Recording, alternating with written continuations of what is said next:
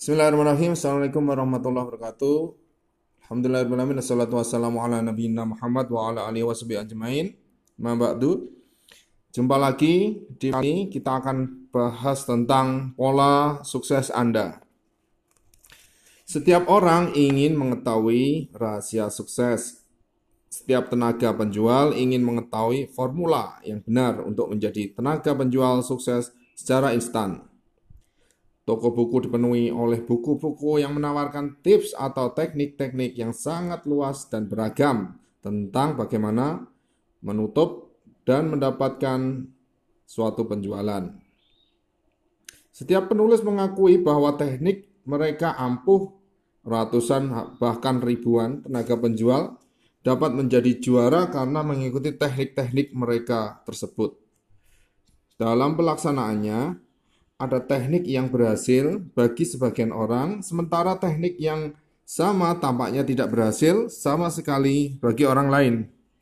Jadi, teknik mana yang berhasil dan teknik mana yang tidak berhasil, kenyataannya adalah ada formula yang berhasil untuk semua orang setiap tenaga penjual berbeda satu sama lain. Kepribadian mereka berbeda satu sama lain. Gaya mereka berbeda, perilaku pelanggan di setiap kota yang berlainan juga berbeda. Hal ini menyebabkan beberapa teknik berhasil bagi sebagian orang. sementara teknik yang sama belum tentu berhasil bagi tenaga penjual lainnya.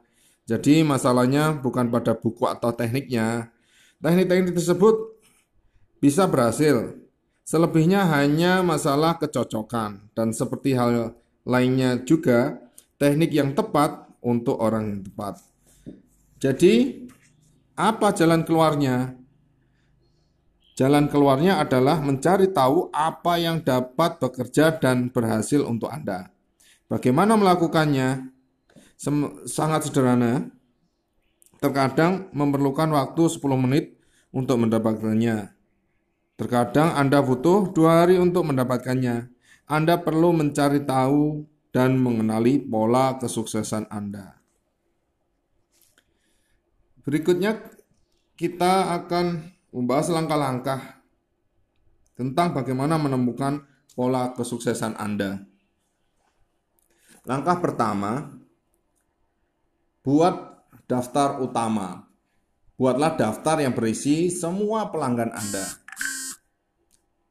Semakin lama Anda bekerja sebagai tenaga penjual, akan semakin panjang pula daftar ini.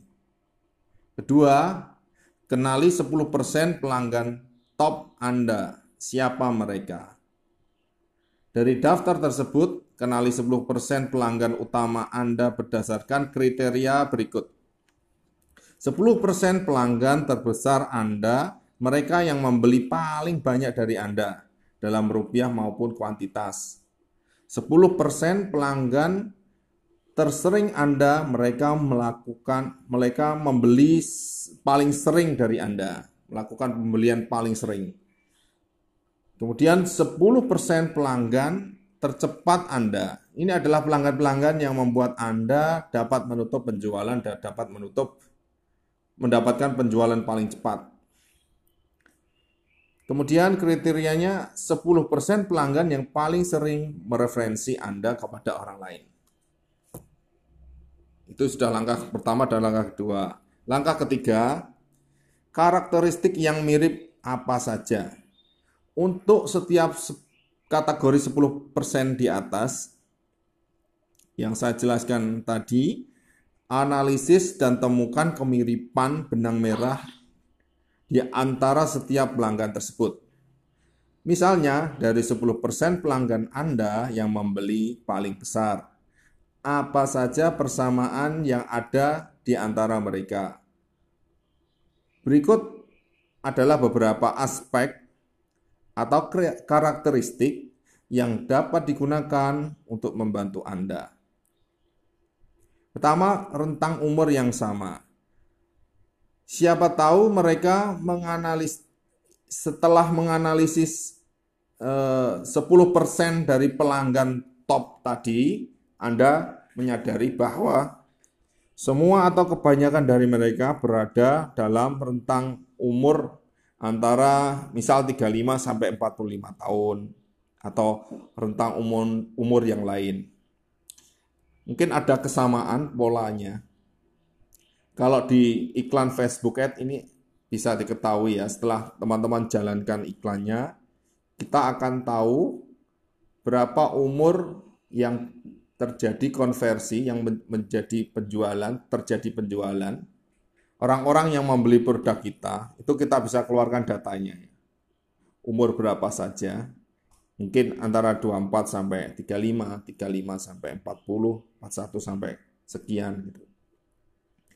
Kemudian berasal dari gender yang sama, pria atau wanita. Kebanyakan orang-orang yang beli produk Anda yang sekarang itu lebih banyak wanitanya atau prianya. Siapa tahu setelah menganalisis 10% dari pelanggan top Anda, Anda menemukan bahwa mereka semua atau kebanyakan dari mereka adalah pria atau wanita saja. Ini akan membuat tenaga iklan atau jangkauan iklan Anda lebih tertarget lagi ya. Jadi Anda uh, jalankan iklan, setelah itu dilihat data yang keluar, siapa saja orang yang membeli itu, kebanyakan pria atau laki-laki. Eh, pria atau wanita. Sama saja ya, pria atau laki-laki. Kemudian mempunyai tipe bisnis yang sama. Siapa tahu mereka semua atau sebagian besar dari mereka mempunyai bisnis dalam industri yang sama. Jadi kecocokan mungkin profesinya karyawan atau pengusaha atau owner gitu ya. Memiliki profesi yang sama. Siapa tahu mereka semuanya atau sebagian besar dari mereka adalah pengacara mungkin atau profesinya dokter atau orang IT, desainer atau yang lainnya ya. Kemudian mempunyai jabatan atau posisi yang sama. Siapa tahu 10% dari top pelanggan Anda atau sebagian besar dari mereka adalah seorang direktur perusahaan atau manajer senior atau kepala departemen dan lain sebagainya. Bersumber di tempat yang sama. Siapa tahu mereka semuanya atau sebagian besar dari mereka direferensikan kepada Anda dari teman teman sekelas, orang-orang dari pesta perkawinan yang Anda temui, orang-orang yang Anda temui di seminar, orang-orang yang mengunjungi stand pameran Anda, dan sebagainya. Kemudian berasal dari sekelompok etnik yang sama, siapa tahu mereka semuanya itu atau sebagian besar dari mereka adalah orang misal Chinese yang berasal dari Medan, orang-orang Batak, Padang, dan lainnya. Siapa tahu setelah Anda menganalisis 10% tadi, mereka mempunyai hobi yang sama. Pelanggan top Anda tadi atau sebagian besar dari mereka mempunyai hobi yang sama. Misalnya golf, memancing, atau latihan gym, atau yang lainnya. Kemudian mempunyai personality profile yang sama juga. Siapa tahu setelah Anda menganalisis 10% pelanggan top tadi, Anda sadar bahwa mereka semua atau sebagian besar dari mereka memiliki kepribadian yang sama. Misalnya tipe penggerak, tipe orang-orang yang semangat, tipe orang-orang yang uh, leader gitu. Untuk lebih detail atau untuk lebih mengerti tentang personality manusia yang berbeda-beda, anda dapat belajar tentang bukunya Personality Plus kalau tidak salah ya. Kita nanti akan dijelaskan uh, karakteristik orang itu ada empat. Yang pertama sanguine, koleris, pragmatis, polis. Teman-teman bisa belajar dan mengetahui tentang personality mereka dan tipe-tipenya. Ini juga bisa diterapkan di uh, tim kita orang yang sifatnya ini cocoknya di profesi ini gitu ya. Lanjut, bila Anda melakukan analisis secara hati-hati dan tekun, Anda akan bisa menemukan karakteristik-karakteristik yang sama atau mirip pada 10% pelanggan top Anda tersebut. Begitu Anda menemukannya, selamat. Anda telah menemukan pola kesuksesan Anda. Saya sarankan untuk meluangkan waktu dalam menganalisis sampai Anda menemukan pola kesuksesan Anda. Begitu berhasil menemukannya, secara otomatis Anda akan mampu menjual dengan lebih cepat. Halangan yang ada akan semakin sedikit meningkatkan proses menjual dan mendapatkan lebih banyak uang. Langkah keempat, mengapa mereka 10% pelanggan top Anda mengapa mereka membeli dari Anda atau sangat menyukai Anda.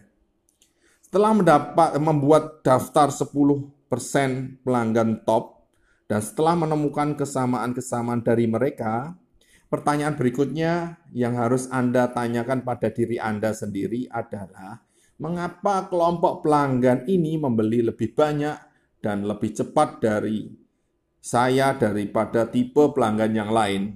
Jadi mungkin orang-orang yang Anda analisis tadi, mengapa dia lebih cepat mengambil keputusan untuk melakukan pembelian kepada produk Anda? Apakah karena perusahaan Anda reputasi atau perusahaan internasional atau perusahaan lokal, hubungan bisnis jangka pendek, jangka panjang, hubungan baik dengan pemilik perusahaan perusahaan Anda? Apakah mereka Suka karena produknya, harganya cocok, kualitas produknya atau perusahaannya, perusahaan Anda adalah satu-satunya yang mempunyai produk tersebut. Apakah karena Anda keahlian, pengetahuan, presentasi, kepribadian atau antusias antusias Anda yang membuat mereka tertarik? Sangat penting bagi Anda untuk dapat menemukan hal-hal tersebut agar Anda mengetahui selling point Anda yang sebenarnya dari sudut pandang para pelanggan. Apa yang membuat mereka lebih tertarik untuk membeli dari Anda? Bagaimana Anda menawarkan cara Anda memperoleh jawaban dari pertanyaan-pertanyaan tersebut di, tadi? Tanyakan langsung kepada pelanggan. Kira-kira kenapa Bapak atau ibu atau saudara membeli mau membeli produk dari saya?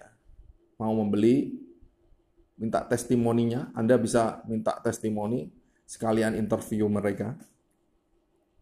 Lanjut ke langkah kelima ya. Di mana Anda bisa menemukan pelanggan seperti itu. Setelah teman-teman menganalisis terus tarik kesamaannya kemudian tahu apa yang membuat mereka alasan atau alasan kuat mereka bertransaksi dengan kita. Dan kita akan ke mana kita akan menemukan pelanggan seperti itu? Itu pertanyaan selanjutnya. Itu langkah kelima. Begitu menemukan jawaban untuk langkah ketiga atau keempat langkah kelima seharusnya sangat mudah bagi anda ya. Langkah yang kelima ini sangat tergantung pada jawaban Anda pada langkah ketiga dan keempat. Jadi, bila Anda tidak mempunyai jawaban atas pertanyaan ketiga dan keempat tadi, Anda tidak akan bisa menemukan melakukan apa pun pada langkah kelima. Bila Anda mendapatkan jawaban yang salah pada langkah ketiga dan keempat, Anda juga akan mendapatkan jawaban yang salah pada langkah ini. Karena ini nanti kita akan menganalisis di mana pelanggan yang seperti tadi yang mempunyai kesamaan yang membeli lebih cepat, menyukai Anda, menyukai produk Anda tadi dari interview. Kemudian kita akan scale up istilahnya scale up atau scale out-nya. Ke mana ini? Mau menambah marketnya ke mana? Setelah teman-teman tahu, itu nanti akan jauh lebih mudah. Langkah ke-6. Langkah terakhir ini ya. Begitu Anda mendapatkan jawaban yang benar pada langkah kelima, Anda dapat segera beraksi untuk menemukan atau bertemu dengan tipe pelanggan yang benar di tempat yang benar. Malah saya menjamin bila keempat kelima sudah jelas dan benar, Anda bakal merasa sangat senang dan tidak sabar untuk segera beraksi, untuk segera action, karena semuanya jadi terasa jelas gitu. Jadi selama ini, wah ini ya orang-orang yang benar-benar membeli atau mengkonsumsi produk kita, yang mau mengkonsumsi produk kita. Hal lain yang dapat eh, saya jamin lagi adalah setelah Anda mempunyai jawaban langkah 3, 4, 5, Anda akan menemukan ternyata inilah pelanggan di mana Anda dapat enjoy bicara dengan mereka, menjual kepada mereka, melayani mereka, dan berbisnis dengan mereka. Kenyataannya adalah Anda mendapatkan banyak peluang bisnis dari 10% pelanggan top Anda karena Anda menikmati dalam berinteraksi dengan orang-orang seperti mereka. Mereka juga menikmati dalam berinteraksi dengan Anda. Jadi, dengan berbisnis dengan tipe pelanggan seperti ini, anda telah melakukan apa yang terasa paling alami dan natural, natural bagi Anda. Pekerjaan terasa sulit karena Anda menghabiskan waktu sebanyak 10% dengan melakukan penjualan kepada tipe pelanggan yang benar. Jadi pekerjaan ini akan gampang ya. Dan 90% waktu Anda kepada tipe pelanggan yang salah. Jadi nanti akan kebalik-balik gitu ya. Waktunya itu tidak seperti porsi yang seharusnya. Inilah yang menyebabkan Anda merasa tersiksa daripada menikmatinya. Jadi 90% tenaganya hanya untuk orang-orang yang sedikit sekali mengkonsumsi produk Anda. Bahkan sebaliknya, ternyata 10% orang yang kita anggap biasa ini yang menyumbang 90% omset. Jadi Anda harus rawat orang-orang itu. Ingat selalu kata-kata bijak. Bila pekerjaan terasa sulit, maka Anda telah melakukan kesalahan. Pekerjaan yang tepat seharusnya terasa menyenangkan. Saya sangat yakin jika Anda, teman-teman, telah menemukan jawaban pada langkah-langkah ketiga, keempat, kelima. Anda akan bertemu dengan orang yang tepat, menjual lebih cepat kepada mereka. Mereka akan membeli lebih banyak dari Anda. Anda akan mendapat lebih banyak uang dan lebih baik dari semuanya. Anda sangat menikmati pekerjaan Anda dalam proses menghasilkan uang yang sangat banyak, insya Allah. Demikian yang bisa kita bagi hari ini. Semoga bermanfaat. Sampai jumpa di kesempatan lain. Ilaik. Assalamualaikum warahmatullahi wabarakatuh.